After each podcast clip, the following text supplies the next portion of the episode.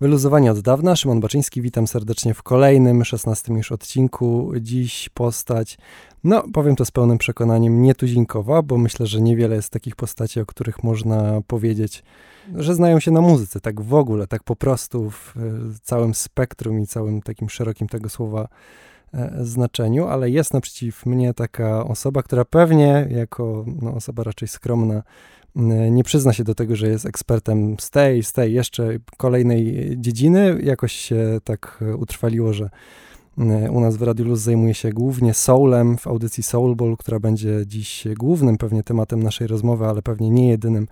Mowa o Kurt Kulewskim. Cześć Kurtek. Cześć. W sumie e, jestem mega podekscytowany na akurat tę dzisiejszą rozmowę z tobą, bo mam wrażenie, że e, chociaż nie znam jeszcze przynajmniej przed tą rozmową tak e, dokładnie twojej historii radiowej, mam wrażenie, że dla mnie osobiście ona jest jedną z najciekawszych, zważając na to, jak można powiedzieć się skończyła, na jakim etapie jest teraz, czym się zajmujesz i mam też na myśli tutaj nie tylko prowadzenie różnych audycji w Radio Luz, ale może do tego dobrniemy nieco później. Zacznijmy jeszcze od tego, skąd w Radio Luz się po prostu wziąłeś, czyli takie e, oczywiste dość pytanie na dobry początek.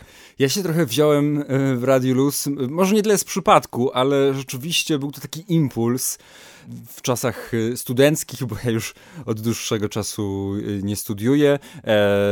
Znajoma powiedziała mi, że o, w ogóle jest akademickie radio we Wrocławiu i ja, ja bym cię tam widziała.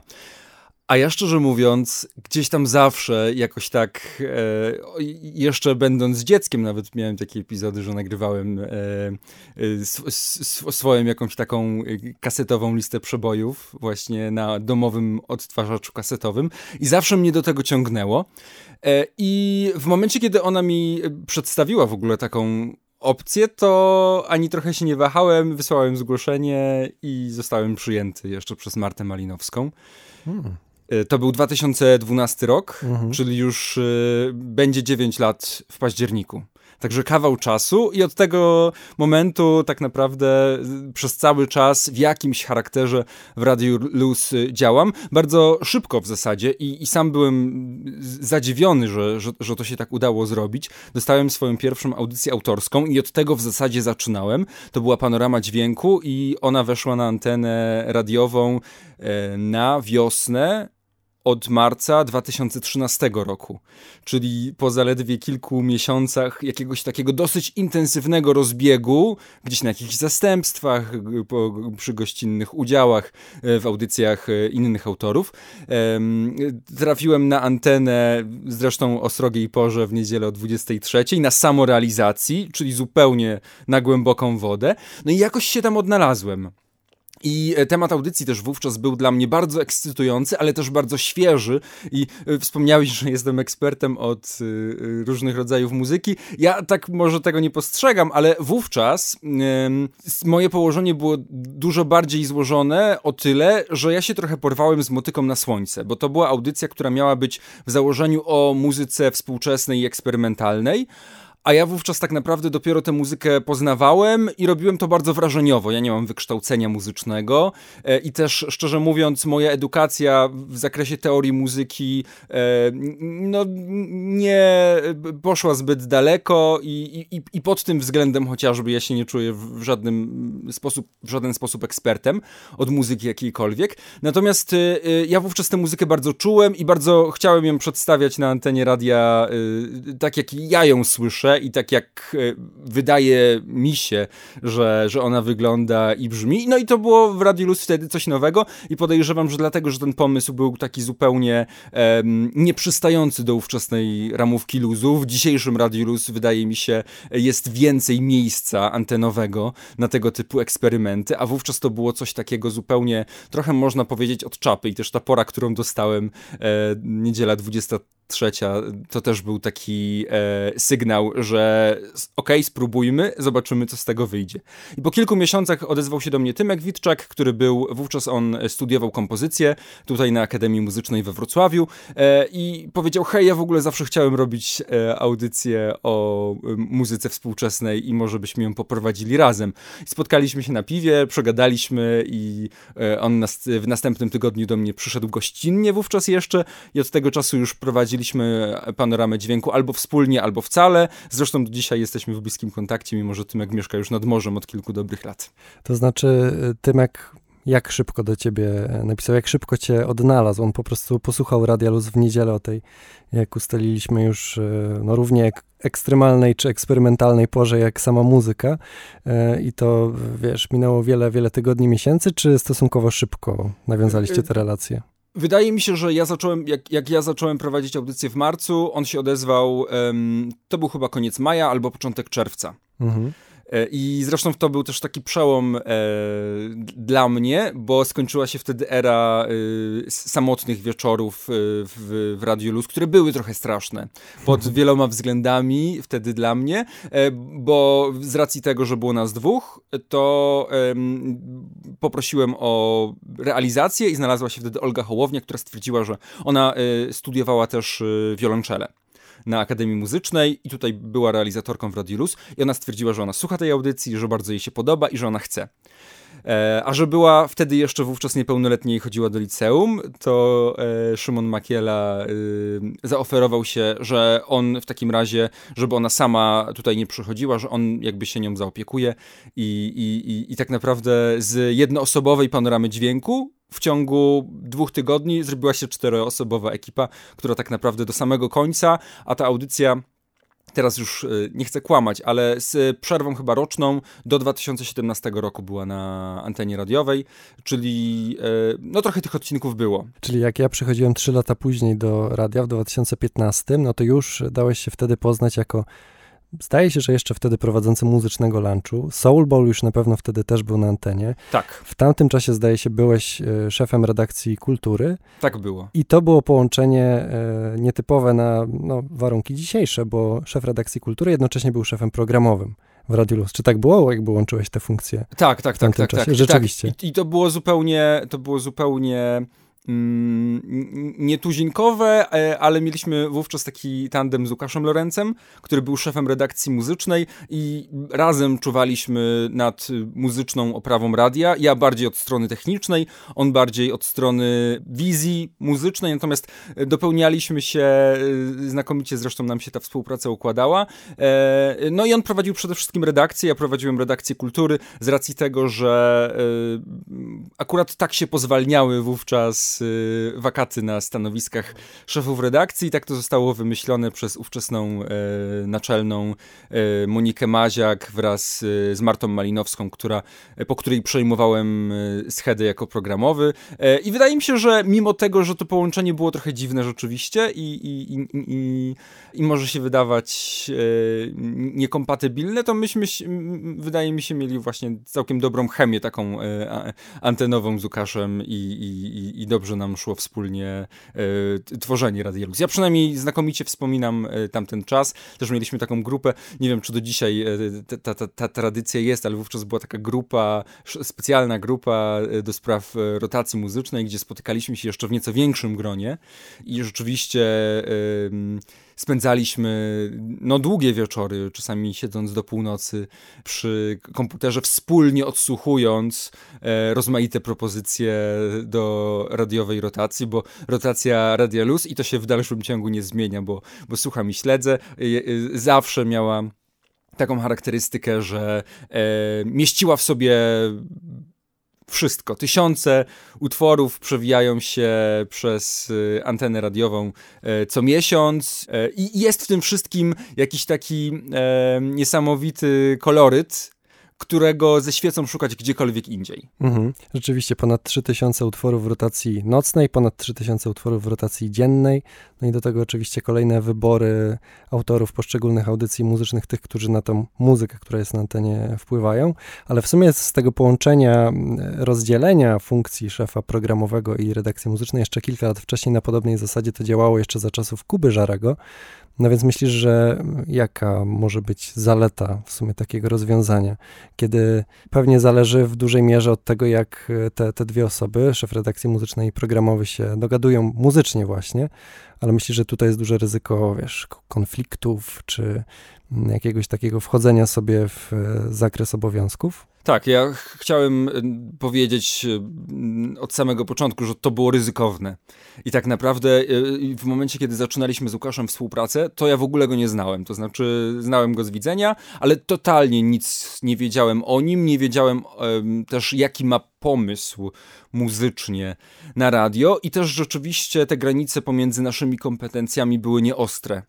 To znaczy, poza tym, że jakby ja budowałem zegary, ja yy, program, programowałem stację yy, z technicznego punktu widzenia, to mimo wszystko yy, jakby on miał ostatnie słowo, jeśli chodzi o brzmienie wybory rotacji, muzyczne. wybory mhm. muzyczne y, i oczywiście jakby dyskutowaliśmy, rozmawialiśmy, ale ja też wiedziałem, że jakby on tutaj ma decydujące słowo i chociażby na tym y, polu mogłoby dojść do, pełnych, do pewnych konfliktów, natomiast chyba jakoś tak uznaniowo po prostu każdy z, z nas um, oszacował jakoś, ocenił swoją sytuację w, w, w radiu i, i, i swoje kompetencje i, i, wydaje mi się, że obaj staraliśmy się raczej współpracować e, niż e, wchodzić sobie w parady. Ja przynajmniej nie przypominam sobie takiej sytuacji, żebym był z jakiegoś powodu na Łukasza zły żebym miał takie poczucie, że e, on coś zrobił, e,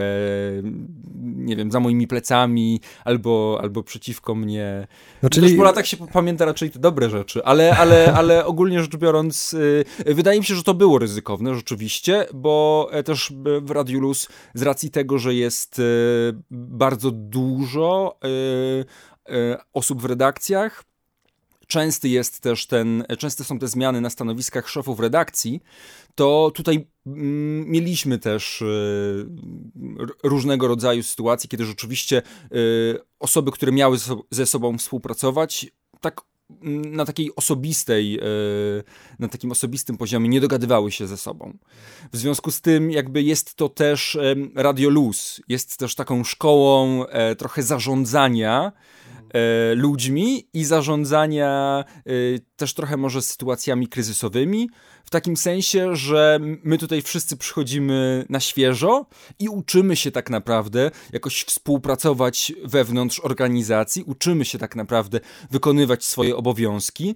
I, e, i to też jest e, fantastyczna umiejętność, którą wyniosłem tutaj z Radia Luz, to znaczy właśnie jak e, współpracować z ludźmi w taki sposób, żeby z jednej strony były tego efekty na antenie, a z drugiej strony, żebyśmy się dobrze dogadywali i pomimo tego, że no jednak ja tutaj e, wychodziłem z tej pozycji jakiegoś autorytetu, to żeby w dalszym ciągu być na takiej stopie koleżeńskiej. I ja myślę, że też ty masz podobne doświadczenie na pewno, e, bo jest to, jest to jakaś żonglerka mimo wszystko. E, no taka dosyć momentami niewygodna, bo takie sytuacje też się zdarzały, że trzeba było z kimś e, porozmawiać e, na poważnie i, i przekazać mu może nie najlepsze wieści dotyczące tego, jak mu się wiedzie na antenie, a, a, a, a poza tym jakby była to osoba, e, do której miało się szacunek, czy, czy darzyło się ją sympatią. I takie sytuacje też się zdarzały i ja czasami nawet wracam do, do takich momentów i się zastanawiam, czy może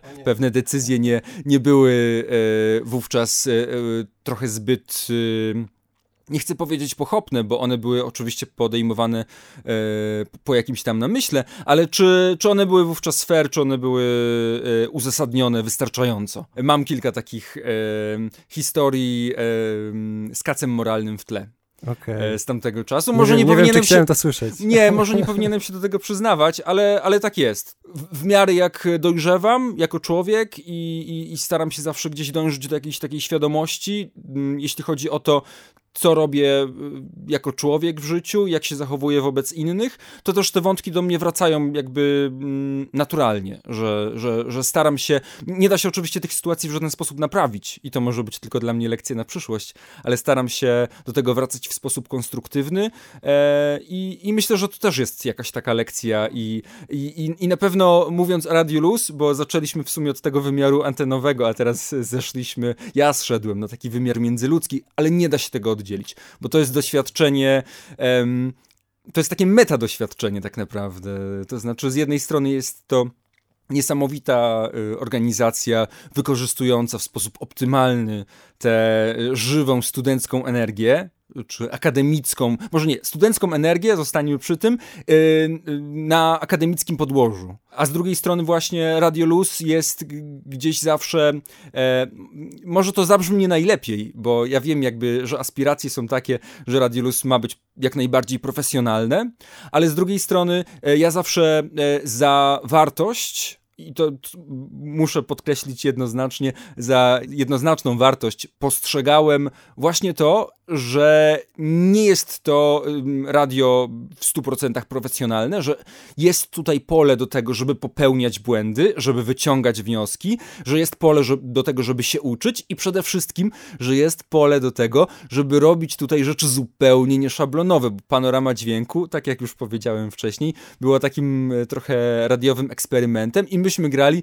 rzeczy, które totalnie nigdzie indziej w żadnym komercyjnym radiu, ani nawet w tym nowym formacie radiowym stacji internetowej e, utrzymywanej e, z datek patronów wydaje mi się, żeby nie przeszła, bo to było jednak przekraczanie pewnych granic, takich granic w sumie e, dźwiękowych, granic trochę konwencji radiowej. Myśmy w Panoramie Dźwięku realizowali takie szalone pomysły, jak audycja, która była nagrana w całości od tyłu, albo audycja, w której graliśmy przez całą godzinę nie zdradzając się przy tym e, przez, przez zresztą całych 60 minut, jeden i ten sam utwór.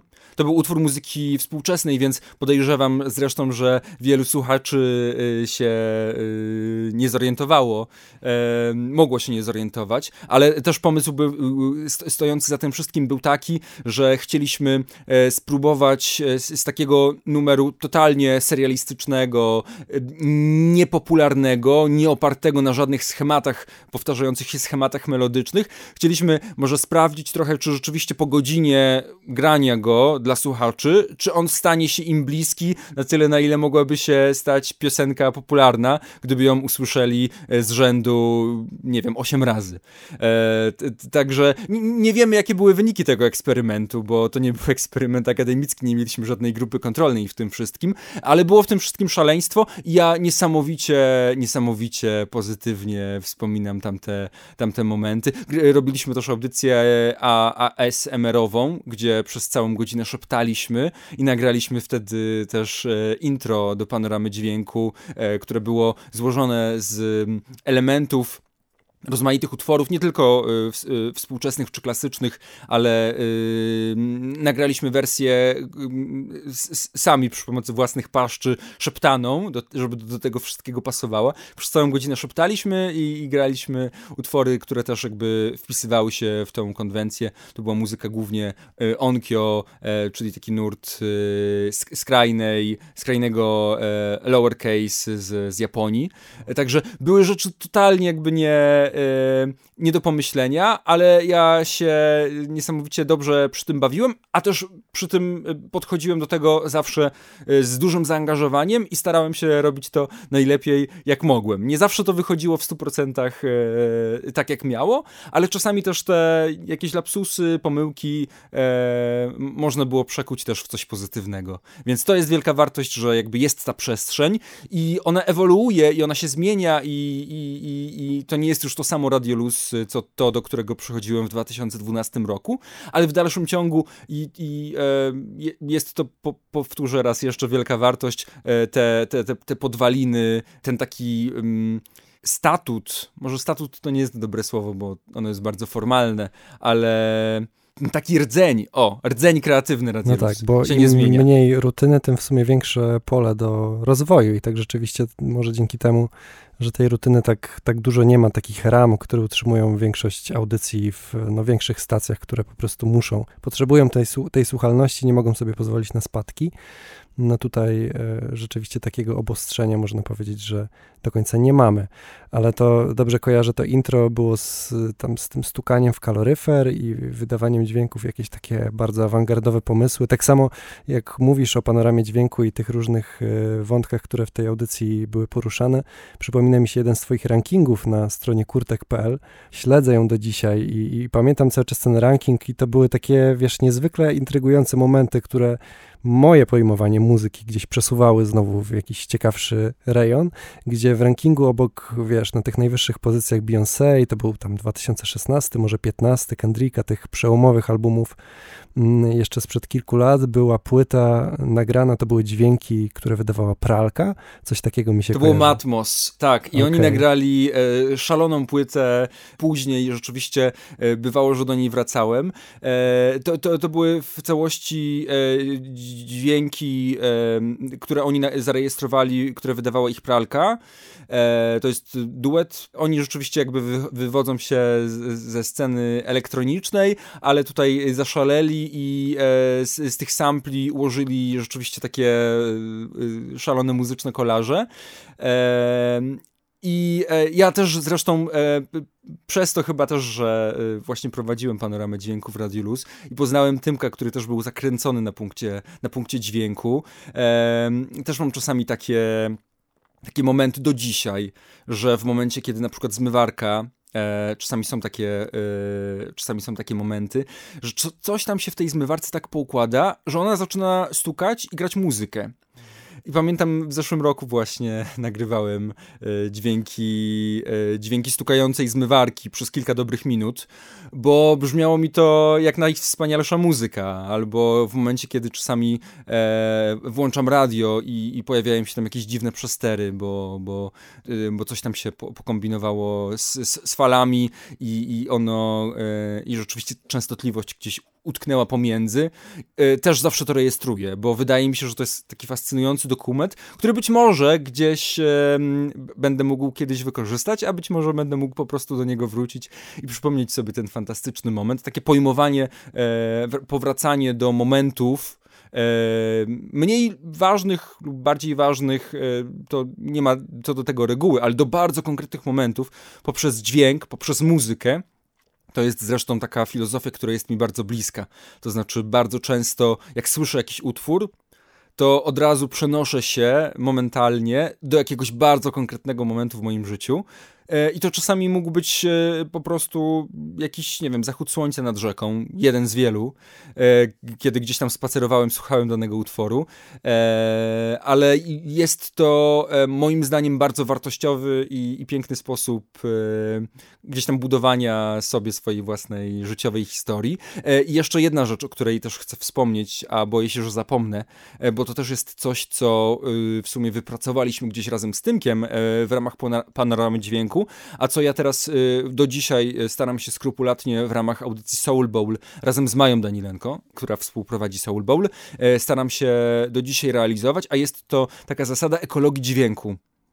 To znaczy, chodzi o to, żeby rzeczywiście szanować te dźwięki, które się emituje dla siebie i dla słuchaczy. I my na przykład, jeśli naprawdę nie musimy, to staramy się nie mówić podczas utworów muzycznych. Nawet jeśli one mają dłuższe intra albo dłuższe outra, można te utwory y, wcześniej przyciąć, przygotować do emisji, tak żeby one rzeczywiście były bardziej e, koherentne, zwięzłe. E, natomiast e, staram się e, nie mówić na utworach, które gram. Też może to jest trochę taki, taka trauma może z dawnych czasów, kiedy rzeczywiście ja jako dzieciak nagrywałem czasami utwory z radia na kasety i bardzo. To był wtedy jeszcze często jedyny sposób, żeby te utwory w ogóle pozyskać, bo to jeszcze był czas, kiedy internet był e, racjonowany e, i, i, i ten dostęp rzeczywiście był albo go nie było. E, I, I faktycznie bardzo często e, było to frustrujące, kiedy już myślałem, że mam utwór w całości i będę mógł go sobie słuchać, a tutaj nagle się jakiś redaktor z tej czy innej stacji odzywał pod koniec utworu, jeszcze w momencie czasami, kiedy, kiedy wokalista nie skończył śpiewać i było to niesamowicie frustrujące, więc pewnie teraz już dzisiaj nikt tego nie robi, bo dlaczego miałby?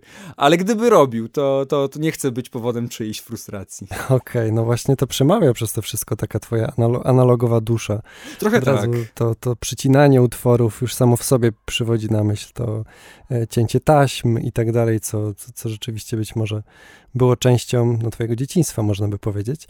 Ale tutaj jeszcze nawiązując do panoramy dźwięku, a powoli zmierzając w stronę Soul Bowlu, to można się zastanawiać, bo choćby na własnym przykładzie mogę powiedzieć, że muzyki słuchałem różnej, też różną tutaj w Radiu Luz grałem, ale teraz, no o ile chyba mogę stwierdzić, że jest to e, jakieś szerokie pojmowanie muzyki elektronicznej, którą w swojej audycji autorskiej gram, no to prowadzę też Audio Starter, ale to nie jest zupełnie inny świat, inna dziedzina gdzieś muzyki, po prostu filtruję tą selekcję przez coś, co przynajmniej wydaje mi się, że będzie bardziej o danej porze pasować. No a tutaj mamy z jednej strony te awangardowe brzmienia, te bardzo eksperymentalne czasem realizacje, które można było usłyszeć w panoramie dźwięku, a z drugiej strony te piękne neosoulowe wokale, te świetne zwrotki rapowe, to wszystko, co, co, co gdzieś mieści się w ramach audycji Soul Bowl. No jak to się stało I, I, jak to jest, jak to w swojej głowie udaje ci się dzielić? Czy masz takie dni, kiedy po prostu masz ochotę na jedno, a, a chwilę później na coś zupełnie innego, czy, czy jakoś tak to sobie filtrujesz dla, dla własnego takiego spokoju ducha? To zawsze był trochę problem, ale rzeczywiście yy, yy, zacznę może od tego, że yy, na antenie radiowej y, wyglądało to trochę inaczej mimo wszystko, bo najpierw była panorama dźwięku od 2013 roku y, przez bodajże dwa lata, potem w 2015 roku na półtora roku wskoczył Soul Bowl, a następnie wróciliśmy z Tymkiem jeszcze na ostatni jeden rok panoramy dźwięku, a później, kiedy panorama dźwięku się skończyła, to ja oczywiście nie mogę żyć bez radia, więc wrócił na antenę Radiolus Soul Bowl i to był chyba rok 2017 e, i, i teraz jakoś będą 4 lata, od kiedy rzeczywiście jesteśmy nieprzerwanie tutaj w tym slocie środowym z Mają. E, I rzecz wygląda tak, że mm, rzeczywiście, e, zwłaszcza w przypadku panoramy dźwięku, było to momentami dosyć trudne, żeby rzeczywiście zachować co tydzień, e, mm, może nie tyle ciągłość materiału, bo ja jestem w miarę skrupulatny i w momencie, kiedy sobie coś zaplanuję, postanowię, to jakby ten temat y, kontynuuję. Natomiast, żeby utrzymać na jednakowym poziomie e, tę zajawkę dla danego typu muzyki. I na początku rzeczywiście ja z panoramą dźwięku to był taki eksperyment. Y, ja wówczas się cały czas oswajałem, cały czas się uczyłem tej muzyki. W związku z tym sam sobie, e, że tak powiem, wynajdywałem kolejne e, ogniwa, kolejne. Rodzaje, kolejne sceny, y, które chciałem zaprezentować y, w audycji i to w jakiś sposób napędzało moją zajawkę. Ale prawda jest taka, że ja nie zawsze mam ochotę, mimo wszystko, na muzykę eksperymentalną. I że to są to są pewne momenty, których nie da się do końca zaplanować.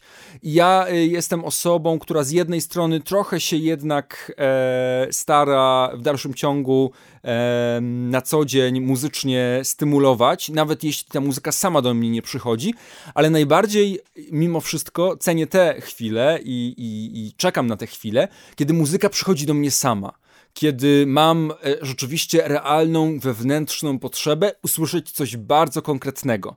Albo słyszę coś, i zakochuję się w tym i to coś mnie zaczyna na nowo napędzać, e, zaczyna odkrywać przede mną zupełnie nowy świat. To są te momenty, dla których się żyje i to nie zawsze jest w stanie e, wejść w idealną symbiozę z tym, że akurat w tym momencie muszę w niedzielę poprowadzić panoramę dźwięku albo muszę w środę znowu wskoczyć w te soulowe buty i zagrać soul albo R&B albo hip-hop i to się nie zawsze pokrywa. Ja czasami jestem w stanie to naginać, Czasami wykorzystuję trochę też takie e, szanse, które Radio Luz rzeczywiście daje, bo jest chociażby w niedzielę e, slot godzinowy Wolny Wybór, kiedy można zaprezentować tak naprawdę e, może nie cokolwiek, ale prawie że cokolwiek na antenie radiowej. I rzeczywiście w zeszłym tygodniu grałem współczesny japoński pop, na co nie pozwoliłbym sobie jednak w audycji Soul Bowl, mimo że czasami pod wpływem zajawki przemycam jakieś japońskie numery i to się zdarza tak samo e, w zeszłym miesiącu grałem selekcję taką mocno folkująco, kantrującą, dosyć nie dzisiejszą z kolei, też w wolnym wyborze i tego też w Soul Bowlu bym nie zagrał. Także e, jest to trochę wewnętrzny, mm, nie chcę powiedzieć challenge, ale jakieś takie wyzwanie, żeby z jednej strony cały czas być, dla mnie przynajmniej, e, być w, w, tym, w tej konwencji, która jest jednak no, dookreślona antenowo, a z drugiej strony, żeby, żeby realizować gdzieś to, co w danym momencie mi w duszy gra, a grają mi bardzo różne rzeczy. Właśnie od jakiegoś czasu e, muzyka japońska, ale też e, e z drugiej strony amerykański folk, country, americana, czyli takie brzmienia mocno organiczne, korzenne. E, I to są takie sfery, które gdzieś właśnie przeplatają się we mnie. Natomiast jeszcze wracając, bardzo długa odpowiedź na twoje pytanie, ale wracając jeszcze do samego początku, czyli do tego, jak to się stało, że ten Soul Bowl się wyklarował, ja zaczynałem w ogóle od RB. To znaczy, pierwszą taką rzeczą, w momencie, kiedy zacząłem słuchać muzyki jako jako dzieciak, która e, trafiła do mnie, to był rok 2000 i wtedy e, na e, włoskim chyba kanale RTL telewizyjnym trafiłem, e, który był wówczas, e, w dalszym ciągu chyba nadal jest, bo on istnieje w dalszym ciągu we Włoszech, e, był, był wówczas dostępny na, sate, na satelicie w, w Polsce w, w, ramach tych kanałów otwartych. Usłyszałem Try Again Ali wyprodukowany przez Timbalanda i to symbolicznie może, ale wtedy otworzył się dla mnie zupełnie nowy wymiar muzyki, bo ja e, wcześniej niczego takiego nie słyszałem i w tamtym momencie zacząłem rzeczywiście e, szukać rzeczy według tego klucza. E, I, i, I te poszukiwania wówczas były bardzo po omacku, bo rzeczywiście dostęp do takiej muzyki był bardzo ograniczony. Był w, w, w trójce wówczas emitowany Czarny Piątek, Hirka Wrony i to było takie pierwsze moje radiowe okno na, na ten świat muzyczny e, i e, później tak naprawdę, kiedy już mm, pojawił się internet szerokopasmowy, e, nagle pojawiły się zupełnie nowe możliwości eksploracji tych brzmień i, i, i wejścia w ten świat, którego wówczas w polskich mediach w ogóle nie było. I, i, i wtedy też Agnieszka Mańczak, y, którą poznałem w internecie, założyła na blogspocie blog o muzyce soul i to była pierwsza taka inicjatywa w Polsce, która nazywała Soul Bowl właśnie e, i zaproponowała mi w pewnym momencie, czy może chciałbym do niej dołączyć i byśmy wtedy pisali razem. I kilka lat później, e, kiedy ta ekipa rzeczywiście się powiększyła, postanowiliśmy, że ten blog e, zmienimy w mm, taki serwis muzyczny działający w dalszym ciągu, non-profit, zresztą do dzisiaj tak to wygląda, e, ale już na WordPressowej platformie i, i w domenie.pl, jako soulbowl.pl. No i tak naprawdę mm, ta audycja w Radio Luz, ona nie miała w sumie nigdy na celu być satelitą tego portalu, ale siłą rzeczy jakby dzieliła z nią um, spektrum muzyczne, bo Soul Bowl to nie tylko był soul, ale też R&B, e, funk, hip-hop, nowe brzmienia, jazz, no i oczywiście hip-hop. I, I, tak naprawdę to też jakoś określiło od samego początku to, co ja w audycji Soul Bowl e, grałem i co teraz gramy z Mają, ale oczywiście też staramy się z tej szufladki wychodzić e, na, na tyle, na ile jest to gdzieś tam możliwe i nam się wydaje, że, że mm, jest właściwe dla audycji, która mm, jest zatytułowana Soul Bowl. I tak naprawdę gdzieś tam ta audycja żyje sobie swoim życiem i soulbowl.pl, e, który nadal funkcjonuje, teraz bardziej chyba w mediach społecznościowych, na Facebooku, Instagramie niż na stronie. One żyją sobie swoim własnym życiem, jakby obok siebie, ale w dalszym ciągu się uzupełniają. I oczywiście ja cały czas trzymam na potrzeby i jednego, i drugiego medium rękę na pulsie, jeśli chodzi o to, co w Soul, Bo w Soul Bowlu, co w muzyce około soulowej się dzieje. I, I to też jest takim trochę paliwem dla codziennej audycji Soul Bowl, ale też e, oczywiście staramy się nie tylko prezentować nowości, ale też wracać do e, te, tego, co w muzyce około soulowej było wartościowe i nie do końca oczywiste, bo jest mnóstwo rzeczy, e, odkrytek rozmaitych, które mm, gdzieś tam może dla nas są ważną częścią naszego życia, są czymś zupełnie naturalnym, a które totalnie nie przebiły się na jakiś taki pociąg z hypem do, do, do mediów muzycznych, e, ani też do Radia Luz. No tak, uprzedziłeś mnie oczywiście, ale to jest szalenie ciekawe, bo teraz dopiero się dowiedziałem, jak Soulball z tego bloga przerodził się w taki serwis muzyczny, jak mówiłeś i nie zdawałem sobie sprawy, że to tak długo już historia tej, tej strony w sumie. 15 lat minęło 8 marca. U, to prawie jak Radio Luz, a nawet szybciej, szybciej to wszystko powstało niż Radio Luz trafiło do eteru. Oczywiście Radio Luz jeszcze wcześniej nadawało, ale teraz w zasadzie nawet ten cykl, w ramach którego rozmawiamy, to trochę mm, no, ukłon w stronę tego całego jubileuszu naszego nadawania w Eterze na 91,6 FM. E, no a jeżeli chodzi o, o Soul Bowl i, i muzykę, w sumie też e, przez twoje słowa trochę przenika takie być może opinia, że cały czas tych e, szeroko pojętych czarnych brzmień w cudzysłowie nie ma tak dużo w mediach muzycznych w Polsce do dziś. Czy w, w związku z tym jakby uważasz, że, że nasza antena jest bardziej soulowa, w dużej mierze bardziej hip-hopowa od, od większości e, stacji w Polsce? Bo tak...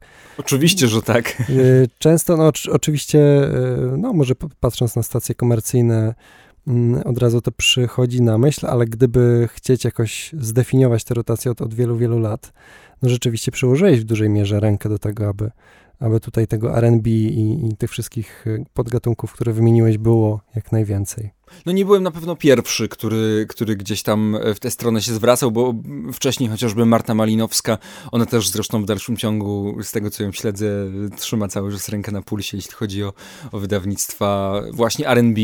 E, także tak, wydaje mi się, że y, z, z jednej strony rzeczywiście y, Polska nigdy nie była może do końca y, krajem soulu, i, i RB, i to jest y, w dalszym ciągu postrzegane przez słuchaczy tych bardziej tradycyjnych czy starszych jako coś e, nie naszego, zewnętrznego, nieprzystającego do tego, co radio mm, niezależne, powiedzmy, w Polsce powinno grać. I pod tym względem rzeczywiście Radio Luz się wyróżnia, bo e, tutaj te połączenia pomiędzy soulem, e, R&B, elektroniką, hip-hopem, e, szeroko pojętą muzyką gitarową, e, są w jakiś sposób naturalne i tożsame. I rzeczywiście to jest wielka wartość. Natomiast yy, szczerze mówiąc, teraz, w momencie, kiedy mamy tak szeroko dostępny streaming, na wyciągnięcie ręki jesteśmy w stanie nie tylko usłyszeć to, co chcemy, ale poznać mnóstwo nowych rzeczy yy, z danej kategorii, z danej szufladki. Yy, wystarczy tylko chcieć, tak naprawdę, i może to zrobić algorytm, ale też jest tyle playlist stworzonych przez yy, użytkowników, tyle rozmaitych źródeł, z których można tę muzykę czerpać y, na podstawie nie tyle właśnie algorytmów, co y, opinii czy głosów użytkowników, słuchaczy z krwi i kości, a myślę, że warto te dwie rzeczy rozdzielić, bo one nie, nie są tożsame i te algorytmy w dalszym ciągu, chociaż one się uczą, są bardzo niedoskonałe i, i totalnie nie wiedzą, czego ja na przykład chcę słuchać.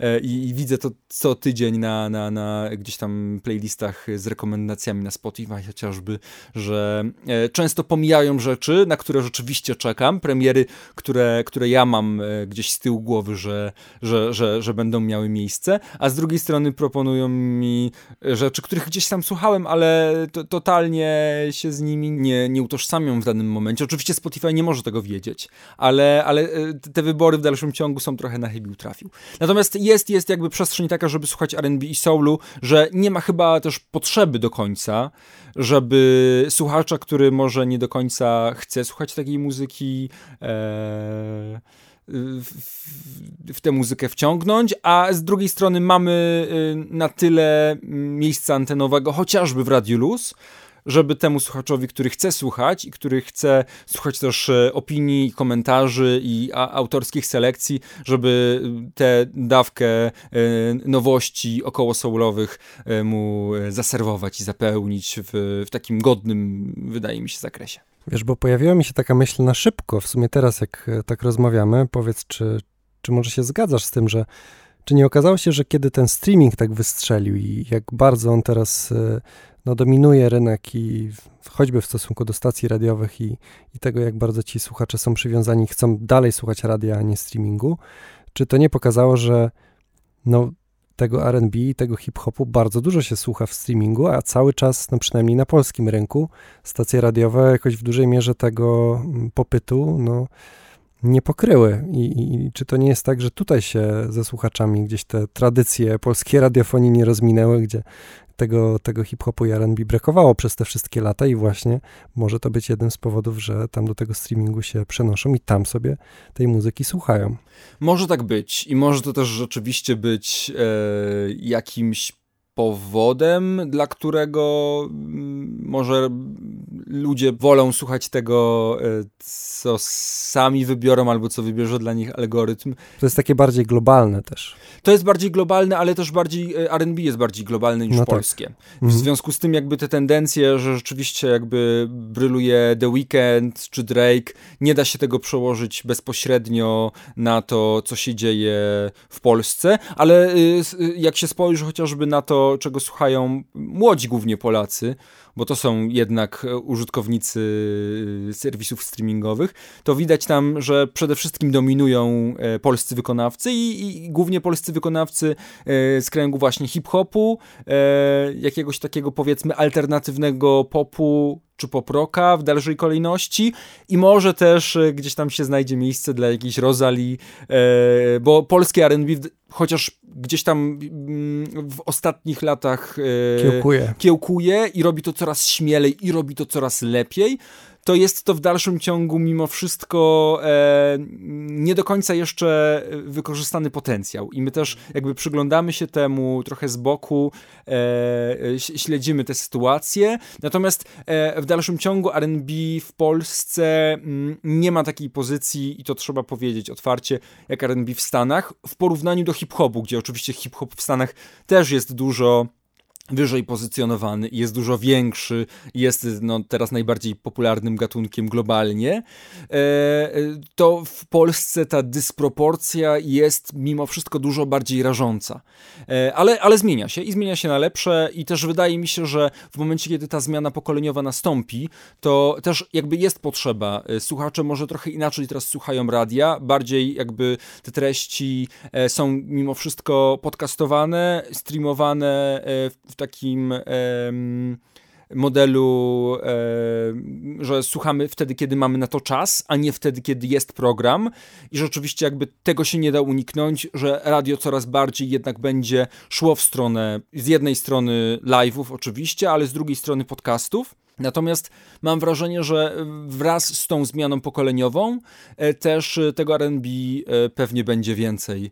I też nawet to, co się stało po upadku programu trzeciego polskiego radia, czyli to, to rozbicie dzielnicowe na dwie rywalizujące ze sobą duże jednak stacje internetowe, to też otworzyło nową możliwość dla zmiany pokoleniowej wewnątrz bardzo mocno zabetonowanej, tak archetypicznie za, zabetonowanej e, e, radiowej trójki, e, a to jednocześnie właśnie wpuściło e, mm, nową jakość, nową energię, także w postaci właśnie hip-hopu i R&B na obie te anteny radiowe, bo w momencie, kiedy e, słucha się którejkolwiek z tych stacji, to rzeczywiście e, ewidentnie słychać to, że y, nastąpiła tam, albo następuje właśnie pewna zmiana pokoleniowa. Ona oczywiście jakby ca cały czas kurczowo się trzyma tam tych tradycji, z których wyrosła, ale mimo wszystko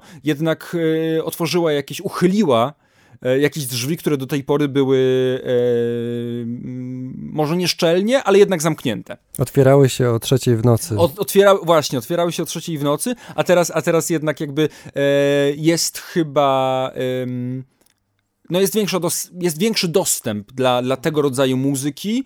E, mm, nie, inaczej, jest większy dostęp tego rodzaju muzyki do słuchacza polskiego, który słucha jednej z tych dwóch dużych stacji. No bo o stacjach takich stricte komercyjnych nie ma co w tym, w tym kontekście mówić, bo one jakby zupełnie inaczej dobierają muzykę, zupełnie inaczej targetują swojego odbiorcę i tutaj rzeczywiście jakby ten, ten cel reklamowy, jeśli chodzi o wybór muzyki jest najważniejszy. To znaczy, musimy osiągnąć jak najlepsze wy wyniki słuchalności, musimy zrobić wszystko, żeby słuchacze nas słuchali, e, musimy ich zapytać o zdanie, co chcą usłyszeć. No i to się przekłada siłą rzeczy na takie, a nie inne utwory, które są grane. I tutaj rzeczywiście nie. Bardzo bym się zdziwił, gdybym w prime time w dużej komercyjnej polskiej stacji usłyszał mm, chociażby to Again Ali, które przecież nie jest numerem anonimowym, ale w Polsce wtedy w 2000 roku totalnie nie zaistniało, nie miało szansy zaistnieć. Tu może warto wyjaśnić, skąd y, popłynęliśmy do takich, a nie innych tematów. I tutaj wracam do początku rozmowy. No, fantastyczna rzecz, jaką Kurtek się w sumie zawodowo zajmuje, co też pewnie wszystko narodziło się jeszcze tutaj w Radiolus, kiedy e, na stanowisku szefa programowego działał i układał te zegary. Czym te zegary są, może sam oceń, czy, czy, czy warto tutaj rozkładać na czynniki pierwsze e, całe, całe to programowanie stacji, ale czy chciałbyś przybliżyć trochę, czym się zajmujesz obecnie i może jak, jak, jak to się stało, jak do tego doszło, że rzeczywiście w firmie, e, która dostarcza system emisyjny i, i te wszystkie narzędzia dla stacji radiowych w Polsce i nie tylko, na, gdzie nie ma tak dużo e, tych miejsc, które można by zająć w tej, w tej branży, a jednak, jednak się udało tych kilka lat temu. Tak, ja gdyby nie Radiolus, nie trafiłbym tam, gdzie teraz jestem obecnie zawodowo. To jest firma, e, która jest tak naprawdę światowym liderem, jeśli chodzi o e, development, e, oprogramowanie dla stacji radiowych. To znaczy, żeby radio mogło grać, potrzebne jest zaplecze, jeśli chodzi oczywiście o, o, o, hardware, ale też o software. I ten software zapewniamy my. I tak naprawdę jest kilka kilka różnych narzędzi, e, także e, wśród naszych produktów, ale takie podstawowe programy, które są potrzebne, żeby robić profesjonalnie radio i, i Radio Luz od e, tak naprawdę samego początku działalności z tych, z, tych, z tych produktów korzysta. To jest program emisyjny, dzięki któremu jesteśmy w stanie płynnie grać, miksować elementy, które trafiają na antenę, ale tak naprawdę te możliwości tego programu emisyjnego są dużo, dużo szersze. z drugiej strony Y, jeszcze głębiej jest y, to, o czym ty wspomniałeś, czyli broszka programowego, e, czyli program do tak zwanego schedulingu, programowania stacji. To programowanie wygląda w taki sposób, że mamy pewną bazę utworów, e, która jest tożsama z tą bazą, która jest w programie emisyjnym e, i e, tą bazą utworów w dosyć zaawansowany sposób zarządzamy. To znaczy mamy pewne zegary, na przykład o 21 w środy jest zegar audycji Soul Bowl, który składa się z kilkunastu utworów, które są po przecinane kilkoma dżinglami audycji. Na początku te, tego zegara mamy znacznik, który który nam mówi, że minęła godzina 21. Później mamy intro audycji, e, no a później już właśnie całą zawartość e, z jednej strony muzyczną, a z drugiej strony wszystko to, co, wszystkie te dźwięki, które na audycji, e, które na antenie wybrzmiewają, a muzyką nie są.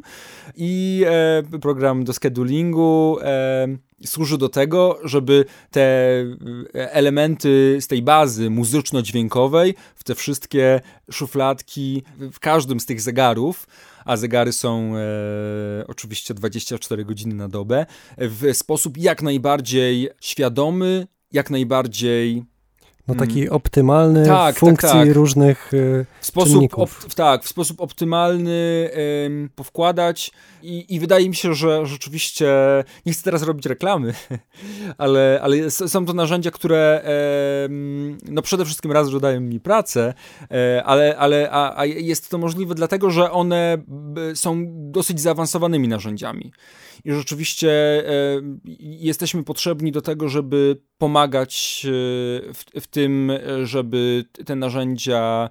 Mm, ja pracuję po angielsku, w związku z tym e, znalezienie polskich słów jest dla mnie teraz trochę kłopotliwe, ale, ale żeby te narzędzia skonfigurować, a następnie, żeby rzeczywiście wykorzystywać ich pełen potencjał. I, i tak naprawdę ym, każda stacja ma swoje potrzeby, y, ma swoje wymagania, y, ma swój, swój sposób pracy, swój workflow. I w związku z tym z każdym tak naprawdę pracuje się indywidualnie i tutaj nie ma mowy o jakichkolwiek schematach. Owszem, są pewne ogólne instrukcje, ale koniec końców, e, mimo wszystko, e, jest to na pewno e, praca, w której dużo się dzieje i, i, i, jest ona w dalszym ciągu blisko związana e, z radiem, choć nie od tej strony, od której... E, od której byś się spodziewał? Od której jeszcze? bym się spodziewał, mhm. totalnie bym się nie spodziewał, że ja okay. pójdę w stronę technikaliów, w stronę no właśnie, supportu, oprogramowania, bo chociaż nigdy jakby nie było dla mnie problemem poruszanie się w, w, świecie komputerów, to nigdy też nie, nie zajmowałem się tym nigdy wcześniej nie zajmowałem się tym w sposób profesjonalny, ale wszystkiego można się nauczyć, można też w tym znaleźć e, jakąś satysfakcję, jakiś fan i też się w tym e, rozwijać.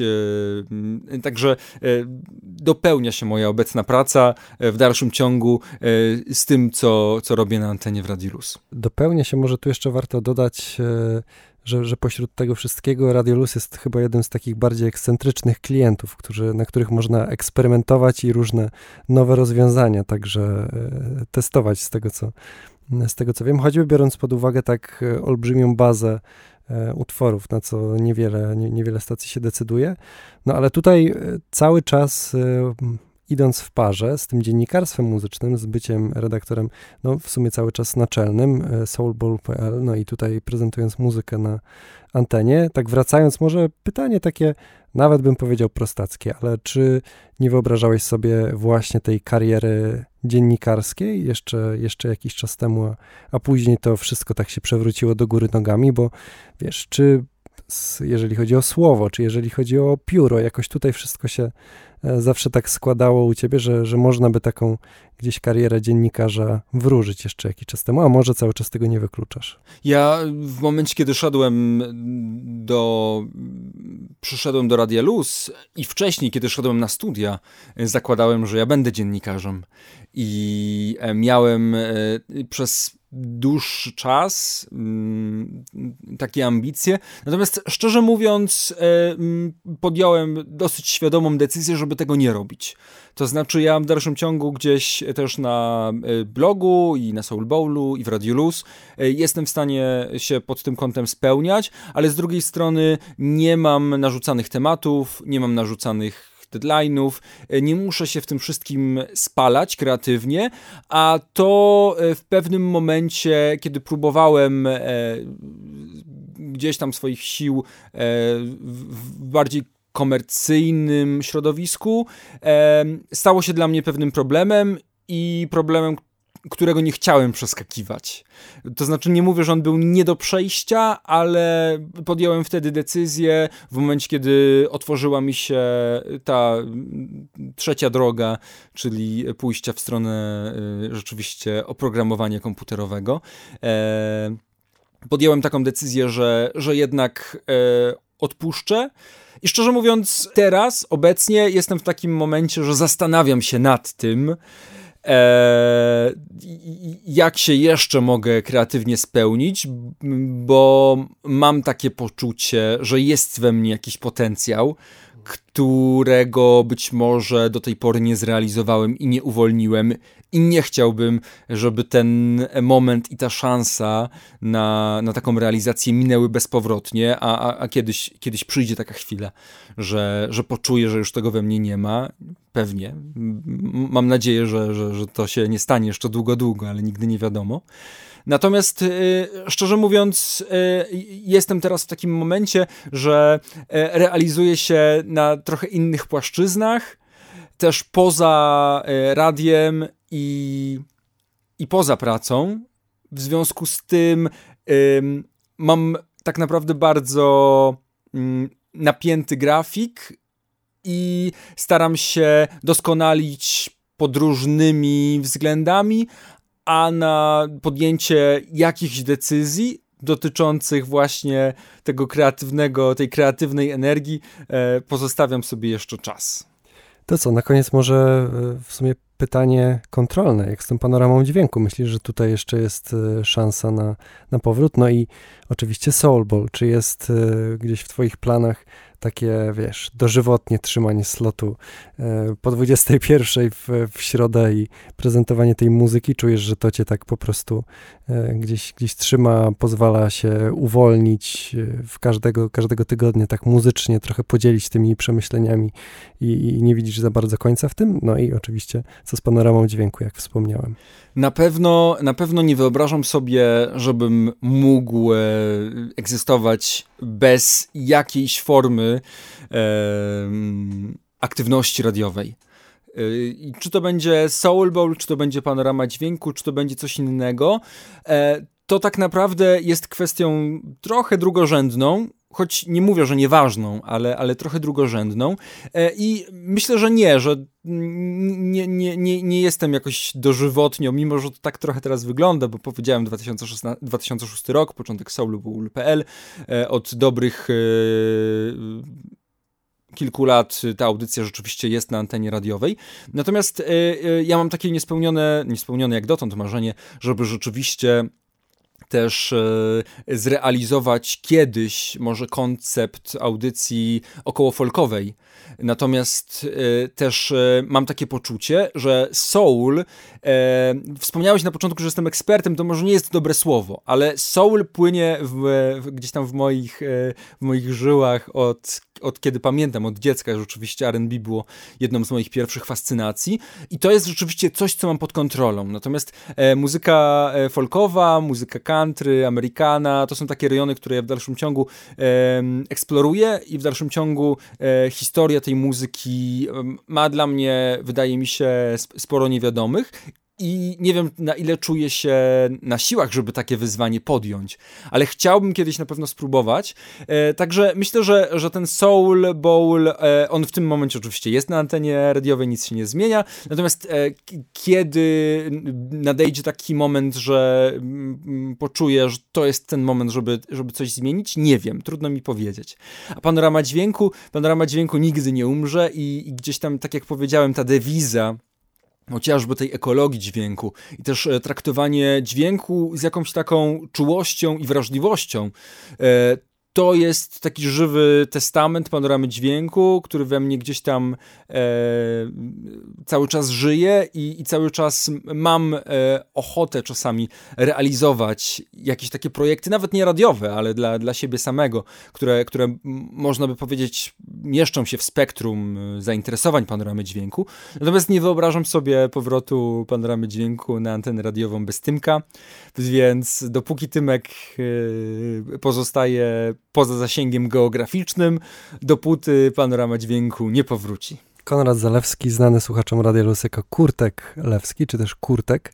No i życzymy wielu muzycznych doznań oczywiście Tobie i słuchaczom, jakich tylko audycji byś się na antenie Radio Luz nie dotknął. Dziękuję bardzo za rozmowę. Dziękuję również, wszystkiego dobrego, cześć.